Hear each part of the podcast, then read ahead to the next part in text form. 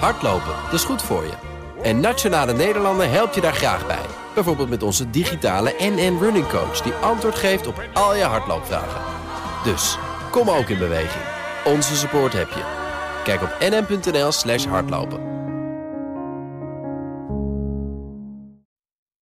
Ja, voor je begint met luisteren, eerst nog snel even dit. Ik ben Mark Beekhuis. Hallo, ik ben Sophie van Leeuwen. Hallo, ik ben Laurens Boven. En samen maken wij elke vrijdag Nieuwsroom Den Haag. Dat is een politiek weekoverzicht en Laurens en Sophie geven je een kijkje achter de schermen. Dus misschien vind je dat ook interessant. Je vindt Nieuwsroom Den Haag in de BNR-app, op bnr.nl en in je favoriete podcast-app. Dat was wel snel genoeg, hè? And I want you all to know that we are fighting the fake news. It's fake, phony, fake. Actually an incorrect statement.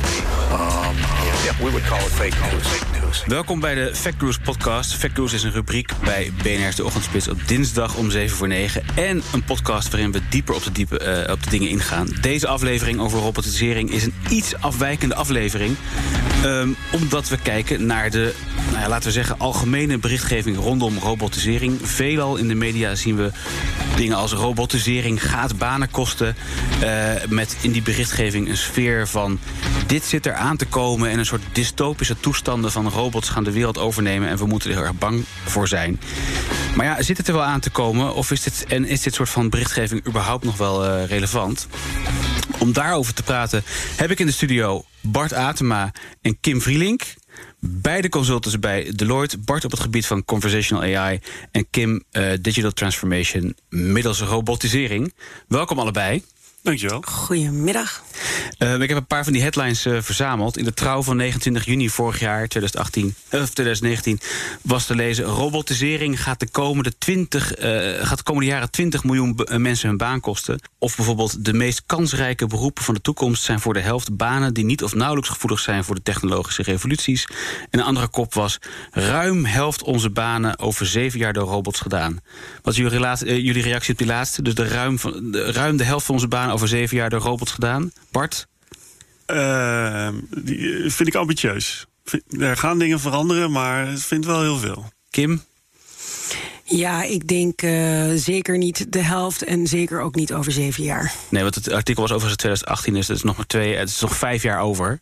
Ja. Dus jullie moeten opschieten met die robotisering, anders dan gaan we dat niet halen, lijkt het. Hoe dystopisch is dat hele robotisering? Komen jullie wel eens op plek dat je denkt: wow, ik loop hier in de toekomst?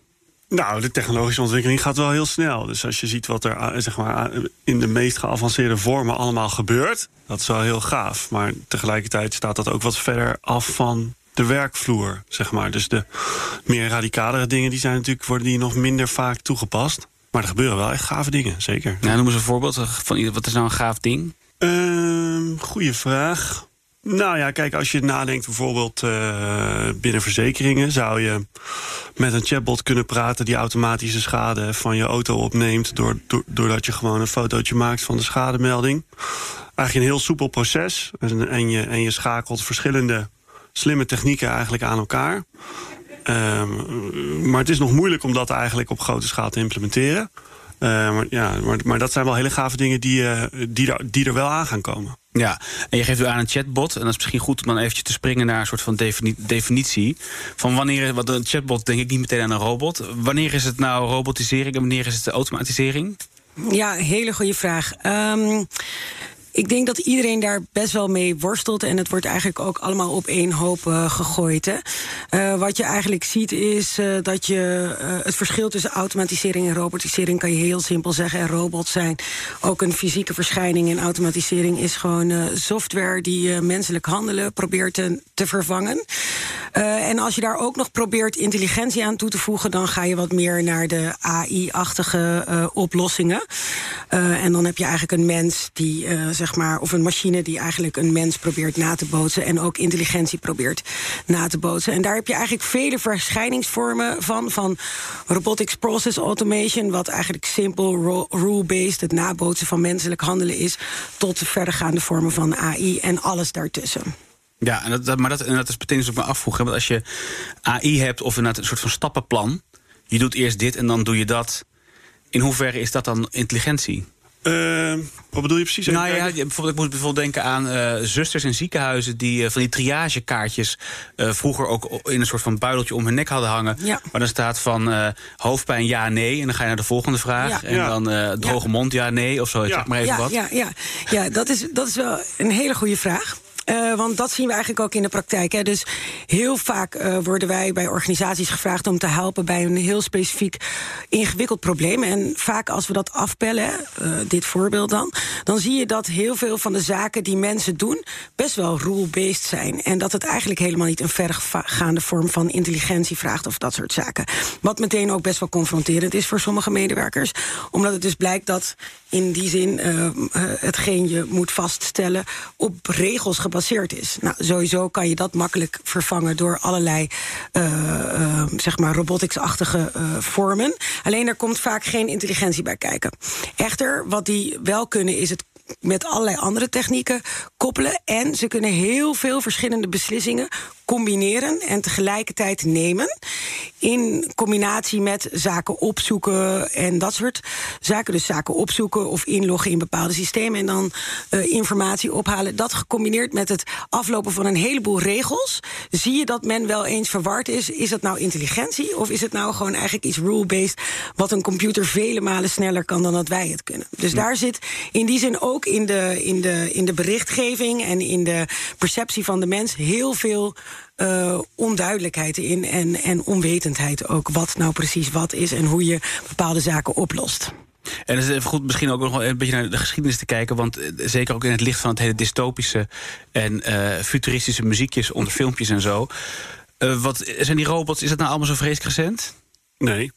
Nee. Nee. Nou, kijk, kijk, volgens mij is het principe hetzelfde. Je, wat eerst, wat voorheen een menselijke handeling was, kan je vervangen door iets wat wat efficiënter kan. Of dat nou een wasmachine is waar je vroeger met een wasbord, weet ik, eh, weet ik hoe lang, eh, bezig was. Of eh, andere voorbeelden uit geschiedenis in, de, in, de, in de Griekse tijd zijn die, ook, zijn die er ook al wel. Of eh, programmeren robots ook al eh, van General Motors uit 1954. Dus eh, het, 1954. Ja. 1954, ja, nee, precies. Nee, precies. Ja, nee, maar dus het principe van... Hey, is er niet een mechanisme wat dit slimmer kan... dan menselijke input zorgt voor output... dat bestaat al heel lang. Ik denk dat de technologische versnelling... dus eh, steeds meer data aanwezig, krachtigere processoren... Ja. veel betere infrastructuur... dat de randvoorwaarden er zijn... om datzelfde principe op veel grotere snelheid eigenlijk toe te passen. Dus... ehm, dat dystopische komt misschien ook een beetje niet zozeer van het principe, maar meer van de mate van of de mate van verandering of de mate van versnelling die door, die, die door de technologie wordt mogelijk gemaakt. Ja. Maar het principe is hetzelfde. Ja, ik geloof dat ik zat natuurlijk ook een beetje onderzoek te doen. Het oudste wat ik tegenkwam, eh, jij hebt hem misschien ook staan. Leonardo da Vinci, 1495. Nee, nee, nee, ik heb hem niet staan. Maar, nee, maar, maar, maar ja, eh, ja, precies. Dat is precies wat ik bedoel. Ja, de Mechanical Knight, eh, al dus dit, eh, dit eh, artikel. Ik had even opgezocht het woord robot, dat vandaan kwam. Het komt van een Russisch woord, robota. En dat betekent forced labor of worker. Oké, ja, ja, nou, precies. Grappig, hè? Nou, dan heeft Amazon het toch goed geïnterpreteerd. En het oudste toneelstuk is geloof ik eh, Rossum's Universal Robots uit 1921. Dat ziet men nu als de oudste geschreven referentie naar Ja, ja, robots. ja, ja. Nou, ik vond het wel leuk om te weten dat Ja, de robot dus inderdaad dwangarbeider betekent eigenlijk. Ja. Zo zal mijn stofzuiger thuis dat waarschijnlijk ook in. Ja, ja, Ja, precies, precies. Ja, ja, precies. Ja. Eh, en weet jullie toevallig wanneer de eerste robot echt is ingezet in een productieproces? Eh, nee, maar eh, het in verregaande mate automatiseren van een eh, productieproces heb ik op de universiteit geleerd dat de Ford Model T was, eh, dat eh, Ford daar heel ver mee was. Eh, dus ik zou zeggen, ja, of in Engeland of in Amerika rond, de, rond 1900, dat toen een beetje moet zijn gaan lopen. Ja, ja de automotive zal wel een belangrijke. Ja. Of ik las zelfs geloof ik ergens dat de automotive industrie 50% van de robotbestellingen in de wereld eh, in zijn eentje doet. Ja, en, en, en dat kan dus bijvoorbeeld ook een robot zijn. hè? Zo'n oranje technische arm die je ziet gaan in een eh, assembly line. Ja, die, dat heeft niks met een mens te maken, maar die, die vervult een bepaalde taak op geautomatiseerde basis. En, en dat is dan een robot. Ja. Het heeft dan een fysieke verschijning, dus, dus ja, kan je daar een robot eh, a- aan hangen. Ja, goed, we hebben dus eigenlijk te maken met eigenlijk best wel een gedateerd fenomeen. zo richting, het gaat zo richting de, nou, het is nog geen 100 jaar, maar iets van, iets van 80 jaar. Dat we dus al met die robots bezig zijn. Ja, dat, dat zie ik eigenlijk ook wel bij de reactie van veel organisaties waar we dit soort eh, concepten toepassen. Je ziet ook eh, vaak bij de IT-afdelingen nagenoeg eh, wat irritatie van ja, maar dit. Dit doen we al 50 jaar, dit is niet nieuw. Eh, het gaat er alleen om dat we niet alles tegelijk kunnen... en dat we een heleboel eh, moeten doen. Ehm, en dat we nu wel inderdaad door de combinatie van een heel aantal zaken... en de versnelling die plaatsvindt... en de mate waarin we IT ook gewoon normaal zijn gaan vinden. Hè, dus het heeft ook gewoon te maken met de acceptatie van de mens. Dat we nu eh, ja, eigenlijk een soort van oude wijn in nieuwe zakken eh, proberen te proppen. Ja. Ehm, maar het fenomeen in die zin al heel lang bestaat en bekend is. Kom je bij klanten die er nog helemaal, die er nog helemaal inderdaad met, eh, hoe zeg je dat, verbazingwekking, verbazingwekkende ogen naar kijken? Ja, zeker. Ja, en dat komt in zekere mate door de dystopische berichtgeving mogelijk. Ja. Maar eh, een vergelijking die ik altijd maak, ja, je zou het kunnen zien als dat het niet anders is dan eh, eh, Word. Word is ook een programma wat een bepaalde mate van automatisering biedt. Eh, en dit zijn programma's die dan eh, technisch anders werken. Maar het is eigenlijk een nieuwe vorm van een technologische innovatie die je kan gebruiken om je be- bedrijfsproces te verbeteren. Ja. We komen zeker veel organisaties tegen die er nog weinig mee te maken hebben... of waar ook echt een angst heerst onder de medewerkers... als zijnde, wat gaan we hiermee doen? In hoeverre gaat het echt onze banen vervangen? Ehm, wat is dit? Wat moeten we hiermee? En ehm, ja, veelal door de berichtgeving echt best wel angst hebben... voor hetgeen er gaat eh, komen. En het is ook heel lastig vinden om daarmee te gaan werken. Echter zien we ook heel veel bedrijven die juist heel enthousiast erover zijn... en eh, heel erg het voortouw erin nemen om juist...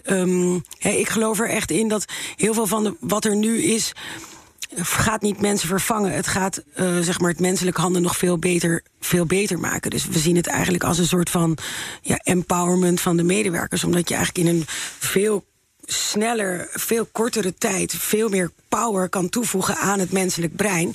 door bepaalde zaken die eh, bijvoorbeeld ehm, op te zoeken zijn... of eh, snel op te zoeken zijn... of het combineren van, een combinatie van heel veel data...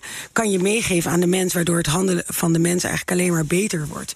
Dus ik zie het meer als het soort van geven van superkrachten aan je medewerkers... in plaats van eh, dat medewerkers hun banen gaan verliezen. En daarnaast zie ik bij de meeste organisaties nu...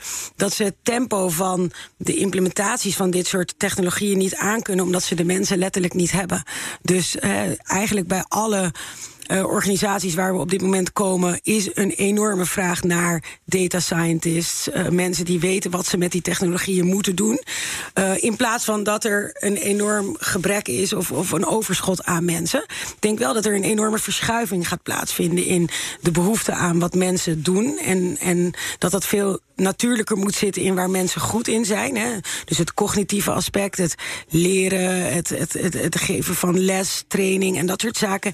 In plaats van hè, de zaken waar in het verleden mensen mee bezig waren, zoals het eh, uitzoeken van zaken die ook gewoon door, door techniek gedaan kan worden. Dus ik zie daar een enorme verschuiving in. Ja, ik zag eh, ter voorbereiding zat ik te kijken op YouTube naar een aantal ro- robotics filmpjes. En er kwam iets voorbij van Amazon, hun, hun warenhuis. Ik zal hem in de show notes zal ik Ja. even de link erbij zetten.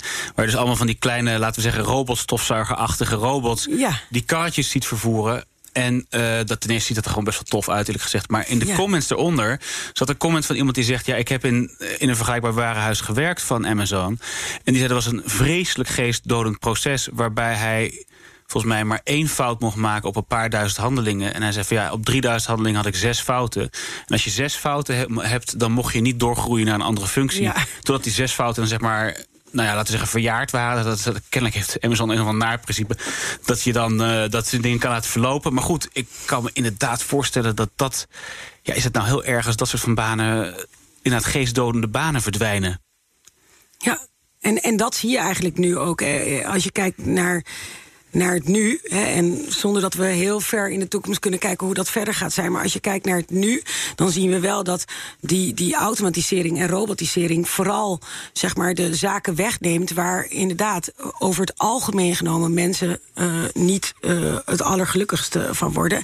En ze zich dus ook vooral gesteund daardoor uh, voelen. En er zijn ook diverse onderzoeken gedaan waaruit blijkt dat het toevoegen van dergelijke virtuele medewerkers of robotachtigen uh, de mensen in die zin de medewerkerstevredenheid eigenlijk verhoogt in plaats van verlaagt. Omdat het dus ook een heel aantal taken wegneemt ja, waar je toch niet voor gemaakt bent als mens of de meeste energie van krijgt.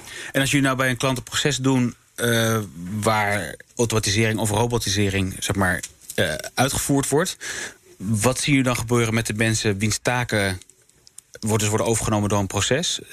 Doen bedrijven dan ook meteen al aan omscholing of doorstroming? Zeg maar, zijn er transitietrajecten voor? En kunnen mensen dat aan?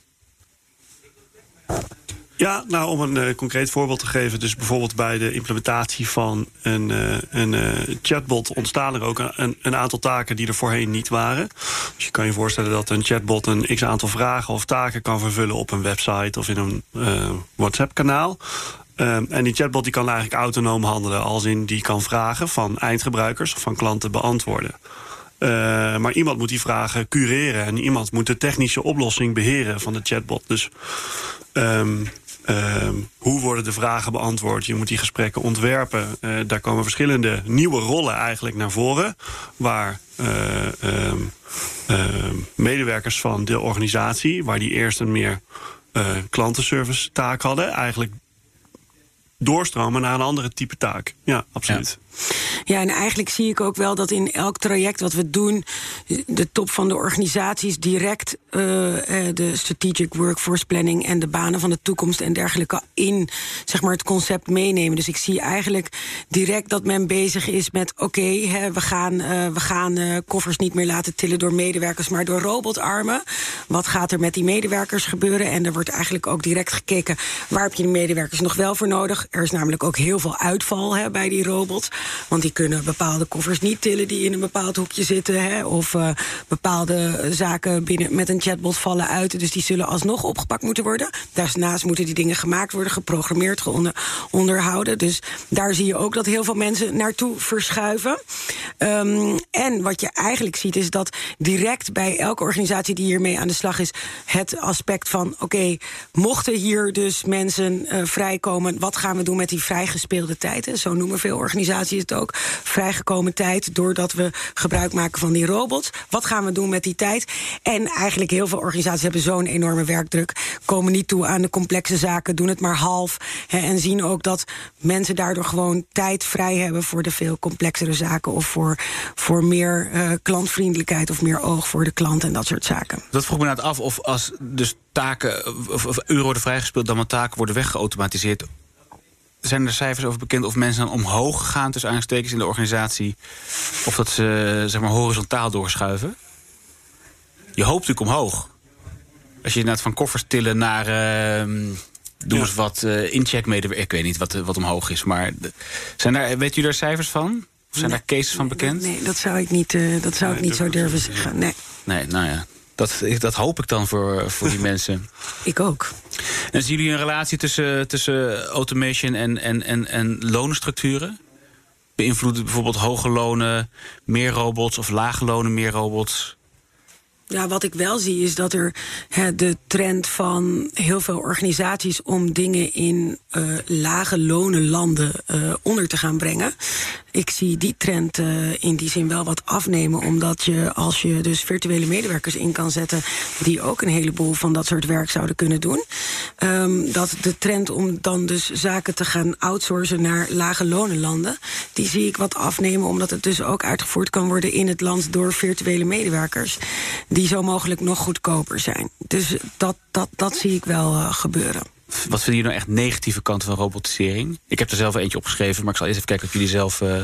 Nou, ik denk dat je, je in het, eh, in het kiezen van het toepassingsgebied als organisatie moet je goed weten wat de technologie wel en niet kan. Dus het is een hele snel verschuivende schaal van wat er kan. Er kan veel en er kan meer dan vorig jaar. En volgend jaar kan er weer meer. Maar er is een grens aan wat je vandaag kan.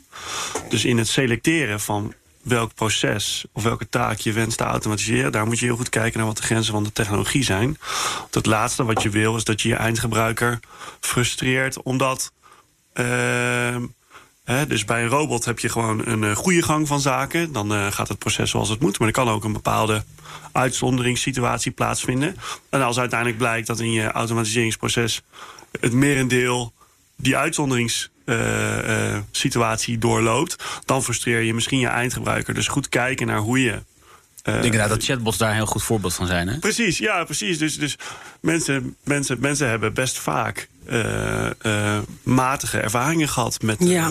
chatbots. Dus het is heel belangrijk, en, en dat geldt niet alleen voor chatbots... het is heel belangrijk om te kiezen waar je dat echt toepast...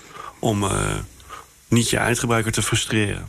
Ja, ik denk dus inderdaad echt een verkeerd gebruik van technologieën. Wat jij eigenlijk net ook zegt. Hè, er is zo'n ongelofelijke hype, maar ook zo'n ongelofelijke onwetendheid.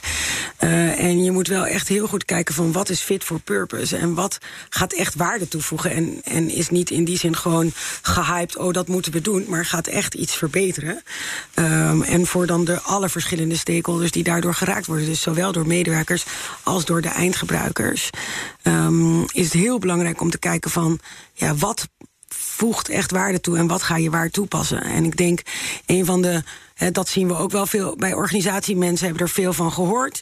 Uh, we moeten er iets mee uh, en nemen overhaast beslissingen. Um, echter uh, zie je toch wel vaak dat uiteindelijk onder long term het dan eigenlijk geen voortgang kent, omdat het dan eigenlijk niet verder komt dan een experiment of een idee of dat soort zaken. Ja, en in de categorie, wat ik, zat, ik zag ergens de stelling... en ik ben benieuwd hoe jullie dat zien. Robotisering draagt negatief bij aan het milieuprobleem. Ja. Ja. Op, eh, op, welke manier? Nou, bijvoorbeeld uh, dingen versturen. Dat was natuurlijk, zou veel duurder zijn als je dat niet kon automatiseren. Nu, nou, ik zei toevallig, toevallig net al Amazon. Als dat allemaal nog door mensen gedaan moest worden... en uh, die, hele, die hele keten moest nog met papiertjes en pennetjes allemaal geregeld worden... was hartstikke duur geweest om dan iets te versturen. Nu ja. gaat het natuurlijk zo makkelijk dat wellicht is dat een van de voorbeelden dat het negatief bij zou kunnen dragen. Ja, nou of dat dan oorzaak of gevolg is, weet ik niet zo goed. Ja, ja. Uh, technologie maakt wel dingen mogelijk. Dus in die zin begrijp ik die stelling wel. Maar ik vind het een beetje bekrompen om, om, om robotisering toe te schrijven... dat, uh, uh, dat het niet goed is voor duurzaamheid. Want aan, aan de andere kant kan een robot ook veel efficiënter zijn... dan de energie die ervoor nodig is als je dat op een andere manier doet. Dus ik over, zo over de op hoog niveau zou ik moeite hebben om die stelling linksom of rechtsom te beantwoorden. Ik zeg er een beetje nee schudden, Kim. Ja, nee, eigenlijk wat Bart zegt, ik vind dat ook een hele lastige, want wat leidt tot wat? Dus ja, er zijn heel veel dingen, zaken te benoemen... waardoor je misschien, uh, als je straks... Uh, je kan tegenwoordig uh, virtueel middels met elkaar...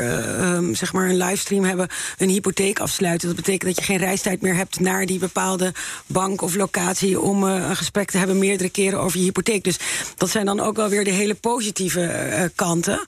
Aan de ja. andere kant, inderdaad, het is wel heel makkelijk nu... om even in China een paar... Via AliExpress. ja. ja. Een koppeling voor je tuinslang. Ja. ja. Ik doe er gelijk tien. Ja, doe er maar tien inderdaad. Ja. Anders gaan de shippingkosten verder om... Uh, ja. ja. Nee, ja, inderdaad. Uh, dus, uh, ik denk meer dat er dus een relatie zit tussen... dus door technologie krijg je meer utiliteit voor een bepaald inkomen of zo. Maar die utiliteit zorgt ervoor dat mensen dat gewoon anders kunnen gaan besteden. En hoe mensen dat dan weer besteden, ja, of je daar tien tuinslangen van gaat kopen... of dat je uh, of dat je uh, digitaal je hypotheek afsluit. Ja, dat, dat staat daar helemaal los van, volgens mij. Ja, nog wat je zou kunnen, kunnen denken. Zelfvarende bootjes die, die olievlekjes opslurpen in de Rotterdamse haven of zo. Dat, zijn natuurlijk, dat zouden natuurlijk voorbeelden kunnen zijn van. Nou ja, bijvoorbeeld dus die uh, apparaten van uh, Bojan Slat, Ocean Cleaner. Ja. Dus die die uh, in riviermonden hangt. Ja, die, dat, die zijn compleet gerobotiseerd. Nou, ik zou zeggen dat dat een goed voorbeeld is van een positieve bijdrage. Ja, Lijkt me ook inderdaad, ja. Zien jullie... Uh, uh, ik begin even een linkje naar... en dan dwalen we een beetje af, dan zal ik hem terugpakken naar banen. Boston Dynamics. Ja. Dat is natuurlijk in de categorie van dystopische. Nou, die, die, die eh, zijn wel ver, ja. Ja. Ja, nou, kijk, ik bedoel, iedereen kent natuurlijk wel die eh, filmpjes van zo'n eh, vallende, opstaande hond of, zo'n, eh, of een, of een eh, mensenachtige entiteit die een eh, salto maakt. Nou, als je dan die vergelijkingsfilmpjes ziet van hoe dat 20 jaar geleden ging en hoe dat nu kan. Ja, dat, eh, dat maakt wel indruk. Maar dat, dat is dus die combinatie van sensoren en data en Ja. processorsnelheid, waardoor, eh, ja, waardoor die eh, apparaten, die robots, veel beter getraind kunnen worden. Gaat het momenteel sneller of langzamer dan jullie verwachten? Met dubbel T, verwachten. Ehm, Nou, ik denk dat door de koppeling van al die verschillende technieken, daar, dat gaat wel echt sneller. En daardoor kun je ook echt heel veel bereiken. En zeker als je dat zonder business case, business model en dat soort zaken koppelt uit hobbyisme, dan kan je inderdaad heel veel bij elkaar eh, krijgen. Ehm ik denk echter, en dan krijg je echt hele vette voorbeelden... maar denk vervolgens de vertaling naar de markt... en het feit dat dat ook echt gemaakt moet worden... en ook geadopteerd moet worden in de organisatie... met de medewerkers en echt gewerkt, ermee gewerkt moet worden op dagelijkse schaal... dat daar nog wel echt een behoorlijke adoptie moet plaatsvinden. Of dat sneller gaat of minder snel dan alle andere automatiseringsvormen... dat, dat kan ik niet heel goed inschatten. Ja, en wat je, ja, voor je eigen, voor je eigen, je eigen verwachtingspatroon. Nou, wat ik zie is dat ehm, organisaties, hè, dus als je kijkt ook wat we dagelijks in ons eigen leven voor technologie voorgeschoteld krijgen en hoe we daarmee omgaan, gaat dat ook vele malen sneller dan de eh, technologie die we bijvoorbeeld in onze eigen organisaties voorgeschoteld krijgen. Dus de, de adoptie van organisaties is wel echt ja, daar, daar zie je dat het veel lastiger is dan erover praten en het zien en het maken. ehm, ehm, en alles wat er eigenlijk daadwerkelijk kan. Maar om er dan dagelijks mee te werken in je organisatie, dat is toch wel echt lastiger. En daar zie je ook dat organisaties wel achterblijven ten opzichte van wat wij dagelijks over ons heen krijgen en waar wij mee werken. Het bol.com-effect wat iedereen eh, nastreeft. Ik bedoel, kijk naar heel veel organisaties die dat als voorbeeld eh, hebben gehad in het verleden. Als zijnde die dienstverlening willen we hebben. Toch lukt het niet iedereen om, om dergelijke dienstverlening eh, daadwerkelijk eh, te bieden. Ja. Ja, ik denk eigenlijk, ik zat zo over na te denken. Ik denk als ik nu tien jaar terug zou moeten doen, dat zou best wel. Weet je, je parkeert je auto, je gebruikt Parkline, je doet eh, je boodschappen via Picnic. Ja. Ik denk echt wel, als je tien jaar terug wordt gezet, dat je dan bepaalde automatismes hebt. Die dan, hé, hey, oh wacht, ik kan nu niet meer dit doen, want dat bestaat dan niet. Dus ik denk dat het sluipt een beetje je leven in. Ja. En ik denk stiekem dat er al die kleine aspecten, of het nou parkeren is of boodschappen bestellen, dat, dat die wel gedisrupt zijn. Maar inderdaad, wat Kim zegt, om het als bestaande organisatie echt op schaal, om naar echt op schaal te komen, dat is heel. ehm, daar kunnen veel uitdagingen bij zitten. Maar dat er, dat er heel veel verandert. Ja, Ja, dat, eh, dat dat zie ik wel, ja. Ja. ja. En ik denk eigenlijk dat het dus ook alleen nog maar gaat versnellen. ja. Zijn er sectoren waar jullie het meest zien veranderen momenteel? Nee, eigenlijk zie ik dat alle sectoren heel erg hiermee bezig zijn. En allemaal in dezelfde mate met allemaal hun eigen problemen. Sectoren hebben bepaalde eigenschappen. Of, eh, of het nou meer bepaald is door eh, wet en regelgeving of wat Precies. vrijer. Dat werkt allemaal door op hoe een organisatie is, is georganiseerd. Of hoe een industrie werkt. Ehm, en dat zorgt weer dat eh, organisaties andere uitdagingen hebben. Dus dat, dat, dat verschilt per industrie. Maar dat het, ehm, dat het een kans is. En eh, eh, dat is in elke industrie wel evident. Wat, en wat zijn berichten in de media waar, je, waar jullie van moeten zuchten? Dat je denkt, nou, dat weten we nou toch wel. Of klopt niet. Of, Ja, eigenlijk, ik vind eh, eh, eh, hoe jij dit gesprek introduceert, dat deel ik heel erg. Het, het, het, ik, ik snap zelf niet zo goed waarom je iets wat we in ons dagelijks leven zien als toegevoegde waarde. Dus het gemak waarmee we dingen online bestellen, de boodschappen bij Picnic doen, internetbankieren en dergelijke. Als we dat dan vertalen naar ons werk, er dan meteen een enorme negativiteit en angst bij komt kijken. Tuurlijk gebruik ik dat, begrijp ik dat wel vanuit het feit, iedereen moet zijn hypotheek betalen en heeft een gezin eh, wat hij zeg maar eten moet geven en dergelijke. Dus dat begrijp ik wel, maar. Ja, ik denk dat dat gewoon onnodig is en de berichtgeving daaromtrent ook onnodig is. En ik denk dat als we dat veel positiever zouden framen, dat we dan ook veel meer zouden kunnen bereiken eh, in den positieve. Dus zou het vakbond gedreven berichtgeving kunnen zijn? Ik bedoel, dat klinkt heel compleet complot, dat sta ik nu te bedenken hoor. Maar ik ben ook even benieuwd naar de toelichting nee, dat was gewoon meer. Ik denk van god, je hebt natuurlijk wie zijn er bang voor banenverandering? Nou, dat zijn natuurlijk vaak vakbonden en veel, veel hand, zeg dat, handarbeid zit natuurlijk vaak in vakbonden. Dus zo zat ik eventjes eh Nou ja, er zijn denken. altijd. Ja, nou, dus eh, eh, ik, ik, ben, ik ben niet bekend met het officiële standpunt van. eh, De anti- de anti-robotlobby, Maar ja. bij een ontwikkeling zijn er altijd voor- en tegenstanders. Eh, mensen die meer belang hebben bij het behouden zoals het is. En mensen die meer belang hebben bij het maken zoals het zou kunnen. Dus ja.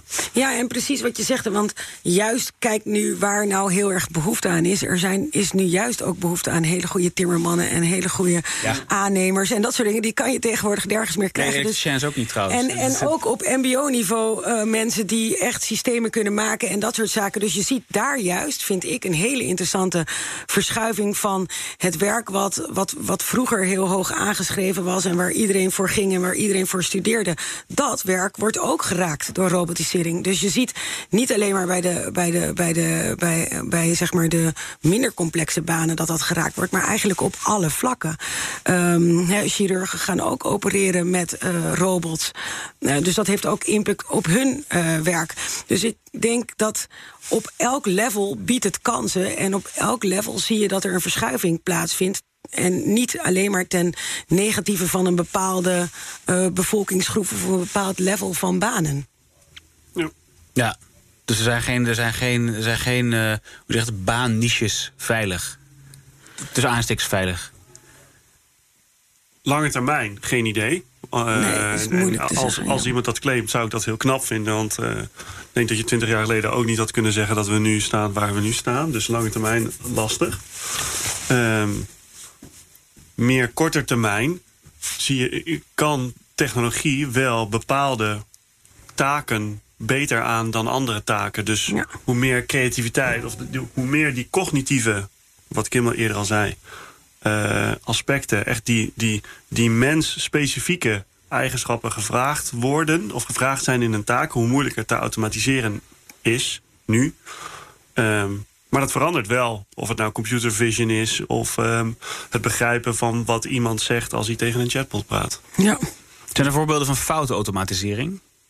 Ik weet er, ik heb er zelf eentje eh, gelezen, maar ik kijk jullie, eh, ik zal hem zo zeggen.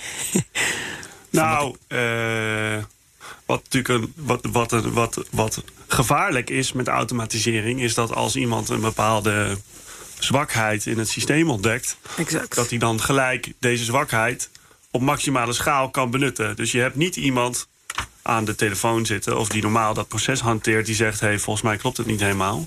Dus als, die, als, de, als, de, als de software niet eh, op de juiste manier is dichtgezet, dan kan niet één keer iets fout gaan, maar misschien wel 10.000 keer. Dus, dus dat zie je soms nog wel eens dat, eh, ja, ja, eh, dat, het, dat, het, dat het niet veilig wordt ontworpen in die Ja. zin.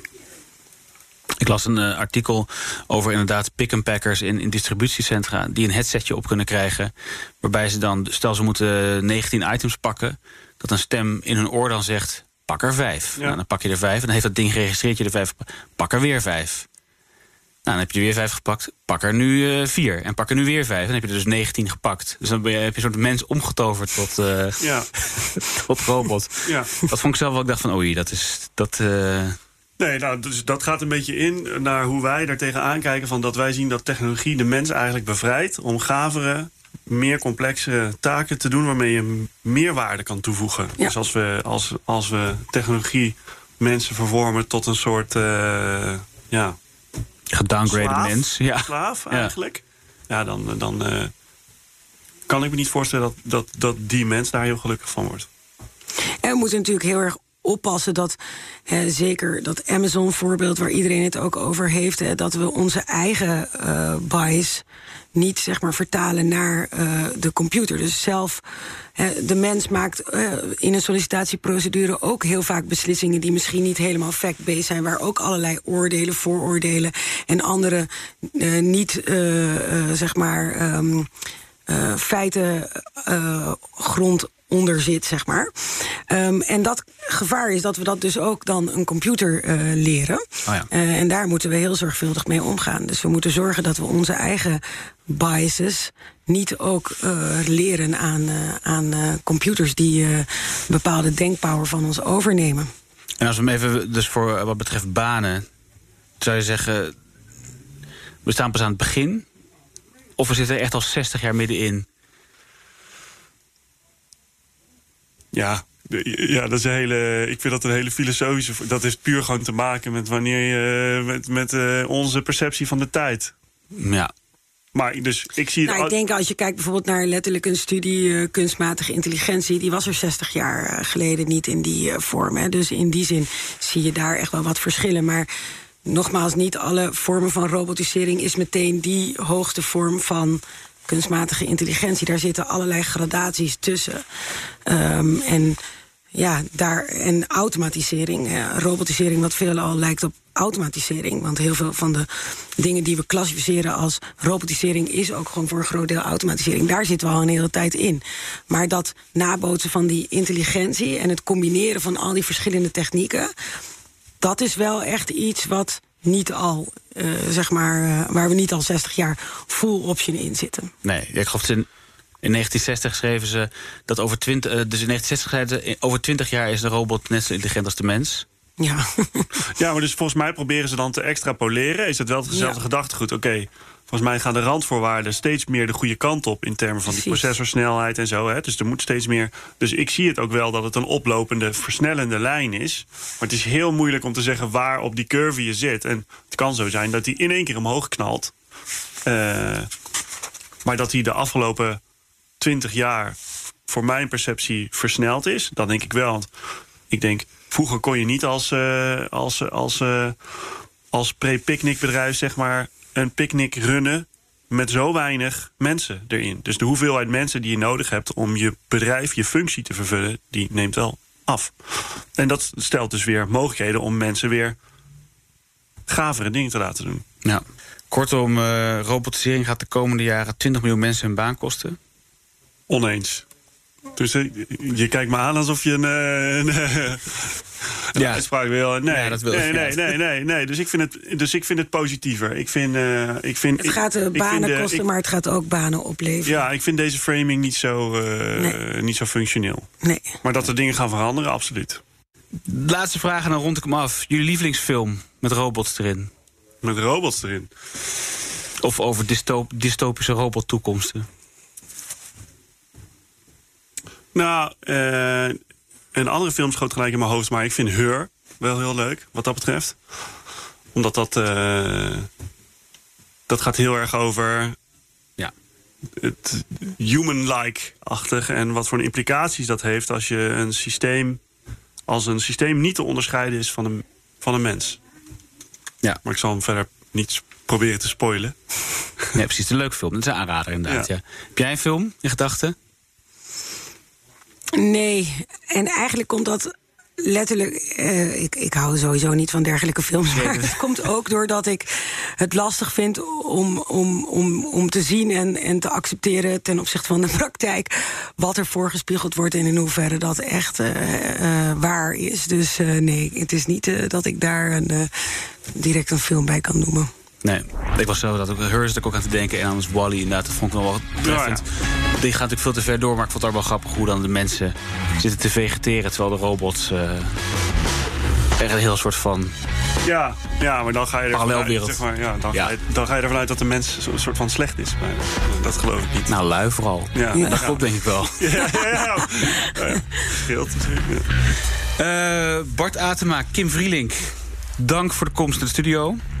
Graag gedaan. Graag gedaan. En iedereen dank voor het luisteren. En mocht je nou iets tegenkomen wat je gefactcheck wil hebben... dan kan je dat mailen naar factcheck.bnr.nl. Of je mag het aan mij tweeten. Apenstaart Frank Leeman uh, op Twitter. En uh, tot de volgende keer.